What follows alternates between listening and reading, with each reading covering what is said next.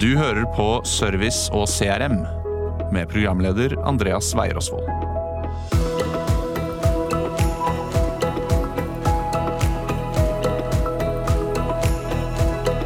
Det er én ting å ha gjennomført et vellykket salg, men det å få kunder til å komme tilbake, det er en helt egen kunst.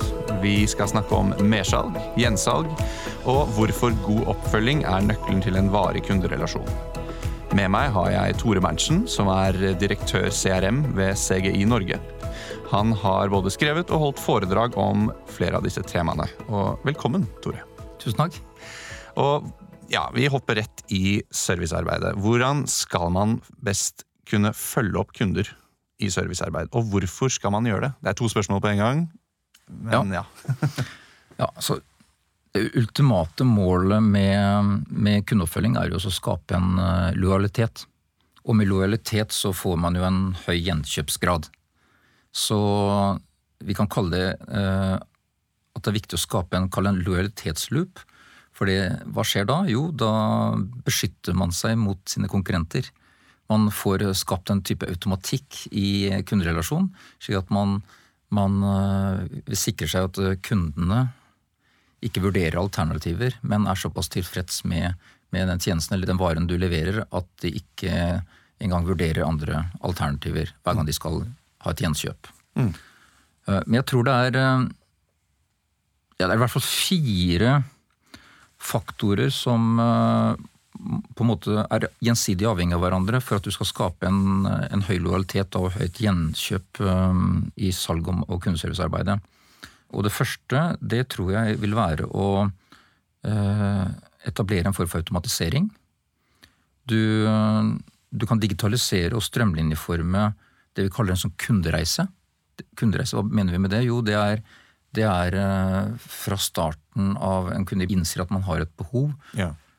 til man vurderer noen alternativer, man kommer i en valgsituasjon, man kjøper, og man får til senere et gjenkjøp fordi man er fornøyd med, med produktet i bruks, bruksfasen. Mm. Så det dreier seg om å fjerne friksjon, rett og slett gjøre det så smidig som mulig for kunden å komme videre i kjøpsreisen.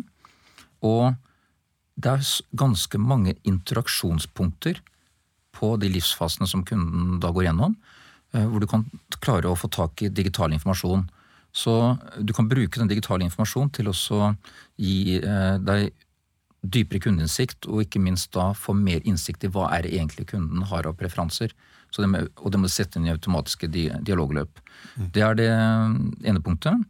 Og det andre det er at vi må utnytte innsikten vår til å personalisere kundeoppfølgingen. For du og jeg er forskjellige. Og det at vi, vi, agerer forskjellig i en kjøpsprosess og har andre preferanser, det må man utnytte. Og det kan digital innsikt uh, gjøre mulig. Mm. Og det betyr at du kan klare å spore kunden da, på tvers av, av digitale kanaler. Slik at du kan bruke denne sanntidsinformasjonen til å hjelpe kunden videre til neste steg. For eksempel fra en informasjonssøkfase til en vurderingsfase hvor kunden sitter med kanskje to-tre alternativer eh, som man skal sammenligne. Mm. Det er det andre, eh, altså personalisering. Og så tror jeg du må klare å finne ut av hva er egentlig kunden prøver å utføre nå. Eh, hvis du kommer inn i en bilbutikk på Økeren, så er det greit å vite for selgeren om du kommer inn for å levere bilen på service, eller om du kommer inn for å se etter en ny bil. Ikke sant? Og Det kan du med et vanskelig begrep kalle sånn kontekstuell interaksjon. da. For hvis du vet at det her er en som kommer for å hente bil, eh, så har du en helt annen dialog og helt annen service enn om dette er en som skal vurdere alternative biler. Og det, Sånn må du også tenke digitalt. Du må vite om de som er ute og søker nå, eh, er ute etter å skaffe seg tilbud på, på reparasjon av en bulk, eller om de vil uh, vurdere en ny leasingavtale. Mm. Så det må du tilpasse. Du må tilpasse dialogen uh, til det. Um, det var det tredje punktet. Og, det fjerde punktet går på det med at det er type, sånn, type serviceinnovasjon, vil jeg si. Serviceinnovasjon det høres kanskje også som et vanskelig begrep, men det skjer så mye på teknologisiden nå uh, som gir deg veldig store muligheter til å forbedre kundeservice og skape bedre verdier da, for både kundene og det selskapet du, du, jobber i. Og du har mulighet til å eksperimentere og teste ut om nye produktegenskaper, nye forretningsmodeller, nye kommunikasjonsformer fungerer bedre enn det du har digitalt. Slik at du kan ha en mye høyere innovasjonsgrad da, enn tidligere. Så det var de fire punktene som jeg eh, vil trekke fram på det punktet der. Og hva slags spesifikke systemer og metoder finnes for den type arbeid du beskriver? Da vil jeg skille mellom, mellom det vi kan kalle komplette plattformer, digitale plattformer og, og spesialsystemer.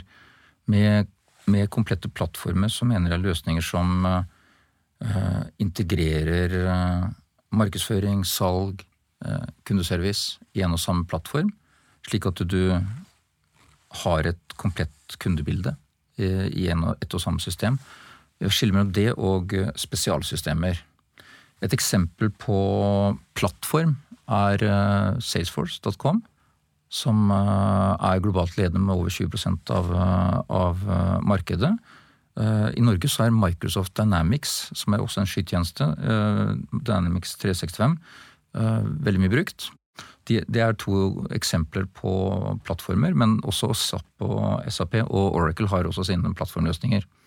Men ellers så finnes det, det finnes programvare for nær sagt hver eneste anvendelse. Mm. Uh, hvis du går inn på chiefmartech.com, uh, eh, som er et amerikansk nettsted, uh, så finnes det en årlig oversikt over hvor mye programvare det finnes innenfor de ulike anvendelsesområdene.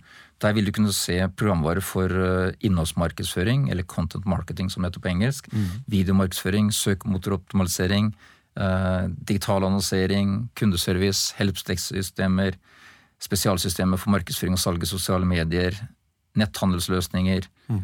influencer-marketing, lojalitetsløsninger. Over 8000. Over 8000 programvarer finnes på, på markedet. Okay. Så du, du, kan jo ikke begynne å søke blant de, men eh, ser du på kundeservice eksempel, så har du, har du aktører som ServiceNow og Zendesk, så det finnes mye. Og mye av det er veldig bra. Um, så det jeg ville, jeg ville, tenkt plattform i utgangspunktet. Uh, for en plattform kan du vokse, vokse ut ifra. Så du kan starte med et, uh, med et begrenset behov, og så kan den utvide seg. Over til et par andre begrep som Mulig de forklarer seg selv, men hva er mersalg, og hva er gjensalg? Mersalg kan defineres som å selge en tilleggstjeneste eller tilleggsprodukt. Så hvis jeg kjøper en uh, bok i bokhandelen, så kan det være at de ønsker at man kjøper uh, bokbind til boken? Ja, ja. Veldig enkelt eksempel. Eller hvis du kjøper et uh, IT-system, da, ja. f.eks. et CRM-system, ja. så kan du også få tilbud om en supportavtale. Ja, ikke sant. Og du kan få tilby opp, opplæring. Mm. Selger du en hytte, så, så kan du prøve å selge ja, alarmtjenester eller vaktmestertjenester ja. eller en oppgradert uh, ja. kjøkkenløsning, kanskje. Eller en veranda. Og du kan jo kombinere. Du kan jo f.eks. ha et produkt, og du, har, og du klarer også å få til uh, å selge en tjeneste tilknyttet et produkt. Eller du kan ha en tjeneste som du selger et produkt til, osv. Så, videre. så der, uh, mm. der er det kombinasjoner. Eh, men så nevnte hun gjensalg, og det er jo egentlig Eller gjenkjøp, da. Ja. For, eh, for, kunden. Eh, det er jo det som oppstår når du har klart å skape lojalitet, og, og at det er, det er, naturlig for kunden å kjøpe produktet igjen. Ja.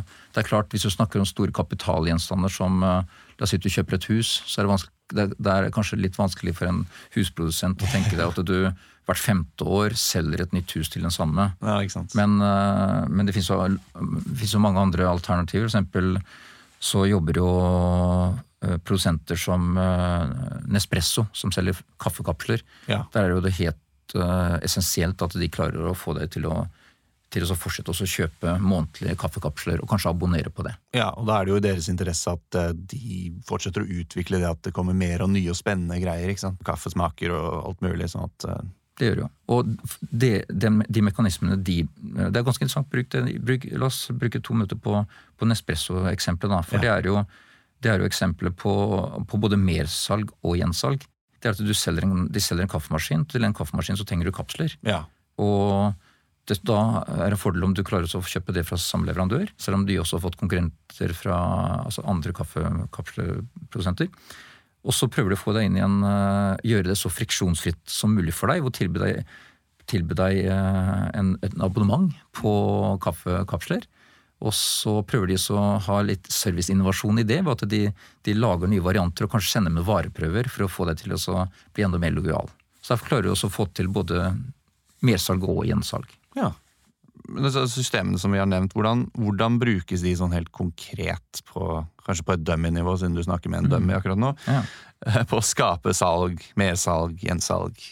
Det, det, mange kan gjøre, det er jo hvis du bruker en espresso-tilfelle, da så det er så klart at de har et uh, netthandelssystem som er integrert med en CRM-løsning, som uh, gjør da at de vet hvem som uh, hele tiden har betalt og abonnementet, mm -hmm. som gjør at de da fortsetter å sende ut varer. Mm. Så der har de rett og slett skapt en automatikk og satt opp det vi kan kalle automatiske dialogløp, hvor de får inn alle som har da bestilt på nett og oppgitt sin kontaktinformasjon, abonnerer Eh, og kan gå inn og endre abonnementet sitt med å legge til flere kapsler eller andre typer type kapsler. Så da skjer det rett og slett automatisk. Så det finnes jo ingen som eh, ringer rundt fra Nespresso og spør deg om du vil kjøpe flere kapsler. For det er, det er, hvert salg er så lite at det har man ikke råd til. Dette er jo gjort automatisk. Mm. Hvis du ser på litt større, eh, større og mer altså kapitalvarer, da. Bruk gjerne eksempelet med en eiendomsmegler igjen. Mm -hmm. Eh, så jo, vil jo en avansert bruker av CRM der kunne hente inn mye informasjon, så man ser hvem er det som nå har besøkt vår nettside, hvem har eh, trykket på 'les om våre tjenester', hvem har trykket på bilde eller sett på kontaktinformasjon på de ulike meglerne, hvem har f.eks. trykket på landingssiden hvor det står 'så mye koster å selge huset ditt'. Og alt det der er jo spor, digitale spor, som viser interesse uh, for å kjøpe eiendomsmeglertjenester. Mm. Uh, og i praksis da så vil det kunne være slik at uh, dette eiendomsselskapets markedsavdeling vil da kunne, kunne finne ut av hvem det er som har, har besøkt de ulike nett, nettsidene våre, og klare å legge de over i en type kontaktliste til eiendomsmegleren, som da ringer på la oss si potensielt da ti, ti interessenter. Ti som da har vist eh, høyest interesse ved at de har hatt flest besøk på, på den aktuelle nett, nettsiden vår. Og, og, da vil jo, vil jo selgeren ha, kunne gå inn på CRM-systemet sitt, på den listen han fikk av markedssjefen. Så vil han kunne gå inn og se på hva slags informasjon er lagt inn her. Ja. Eh, navn og kontaktnummer. Når var de sist de, eh, og besøkte vår nettside? Når var det første gangen? Hvor mange ganger har de vært der? Mm. Og hva har de gjort der? Og så videre. Um, så slik kan man jo bruke det til å ha en innledende kundedialog. Og så er det så klart at uh, CRM-systemet uh, Der er fullt mulig å spore dialogen slik at du vet hva slags mail, hva slags telefonsamtaler du har hatt med denne kunden her. Mm. Du vet responsen. Du har den oversikten der i en egen tidslinje i CRM-systemet slik at du kan vurdere om er det verdt å følge opp vedkommende eller ikke. Mm. Så du har full sporing da, og, og, det vi kan kalle sånn loggføring av, av, den aktiviteten vi har hatt mot de ulike kundene. Mm. Så på den måten der så brukes jo det til å, skape uh, forhåpentligvis salg. da. Uh, det kan også være slik at du kan få informasjon fra kundeservice hvis noen har, uh, hvis, hvis noen har ringt inn og og hatt spørsmål til en faktura eller til noen tjenester du har.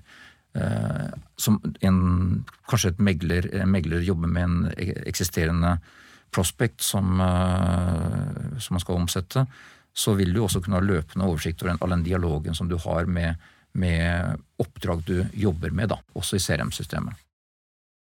For å avslutte i fremtiden igjen, akkurat som i forrige episode, så spør jeg deg, Tore, hvordan ser fremtidens kundeoppfølging ut? Tror du, Igjen så er vi inne i spå fremtiden-land, men mm. hva tenker du her? Jeg tror at um,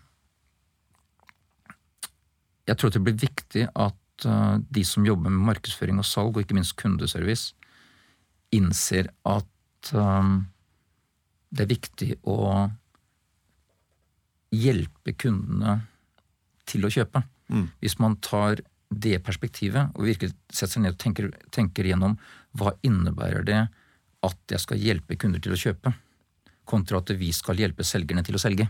Det, det første tilfellet er mye mer rådgivende til at du innser at du skal hjelpe kunden eh, med gode råd gode, til å ta god beslutning, for i utgangspunktet er, ønsker de å kjøpe av deg. Mm. Så da gjelder det å hjelpe de til å få svar på de spørsmålene de har. Det, det, du må levere raskt og presist. Uh, redusere friksjon, det har vi nevnt tidligere. Det syns jeg er også et veldig viktig begrep. Hvis du tenker virkelig gjennom hva er som skaper friksjon i den dialogen vi har. Kan vi gjøre det bedre enn konkurrentene våre? Uh, det vil være å utnytte teknologi du, det kommer til i fremtiden så kommer flere og flere selgere, markedsførere, kundeservicemedarbeidere til å ha relevant sanntidsinformasjon okay. tilgjengelig. Og det er litt viktig, fordi jeg tror at vi i fremtiden kommer til å bli mer og mer utålmodige. Vi stiller større og større krav til våre leverandører, og vi er utålmodige. Og vi forventer svar raskt. Uh, I hvilken kanal som helst, mm. uh, og når som helst. Så det tror jeg blir, eh, blir viktig. Eh, jeg tror vi vil ønske at kundeoppfølgingen må også muliggjøre selvbetjening. Vi ønsker å eh, betjene oss selv. Mm. Vi ønsker, Det er mange som ikke ønsker å snakke med en selger. Vi ønsker å styre en selv, vi ønsker å holde dem på avstand. Derfor blir det viktig med selvbetjeningsløsninger. Og helst selvbetjeningsløsninger som gir fra seg viktig informasjon til oss, som vi kan bruke og sette opp automatiske dialogløp. Mm. Um, jeg tror også det kommer til å bli fortsatt viktig med personvern. Vi har uh, den europeiske personvernforordningen, um, altså GDPR. Det blir viktig å sørge for at um, du behandler altså persondata riktig. At du innhenter samtykke. Eh, at den ikke misbrukes. Både i altså lagring og ikke minst hvordan du bruker persondata. Det tror, jeg, det tror vi blir viktig. Og, og virksomheter som, som uh, i praksis også viser at de tar personvern på alvor, tror jeg vil få ha et pre i, i, i markedet. Mm. Det tror jeg det, det ville jeg sett for meg også. For det er jo det er et veldig hett tema. Ja. Så kommer vi til å Jeg må bare ta et par ting på slutten. Det kommer til å bli mer bruk av kunstig intelligens. Mm. Maskinlæring. Og vi kommer til å bruke flere, mer algoritmer. Så det, det, vi kommer til å snakke med flere roboter. Uh, det er ikke noe tvil om. Vi kommer ikke utenom, uh, utenom det. Er vi, det er fremdeles viktig med personlig kontakt, men det som kan automatiseres, og det som kan, der vi kan utnytte teknologi, der, der, kommer, der kommer man til å gjøre det. Absolutt. Tor Berntsen, tusen takk for at du kunne være med i dag. Takk.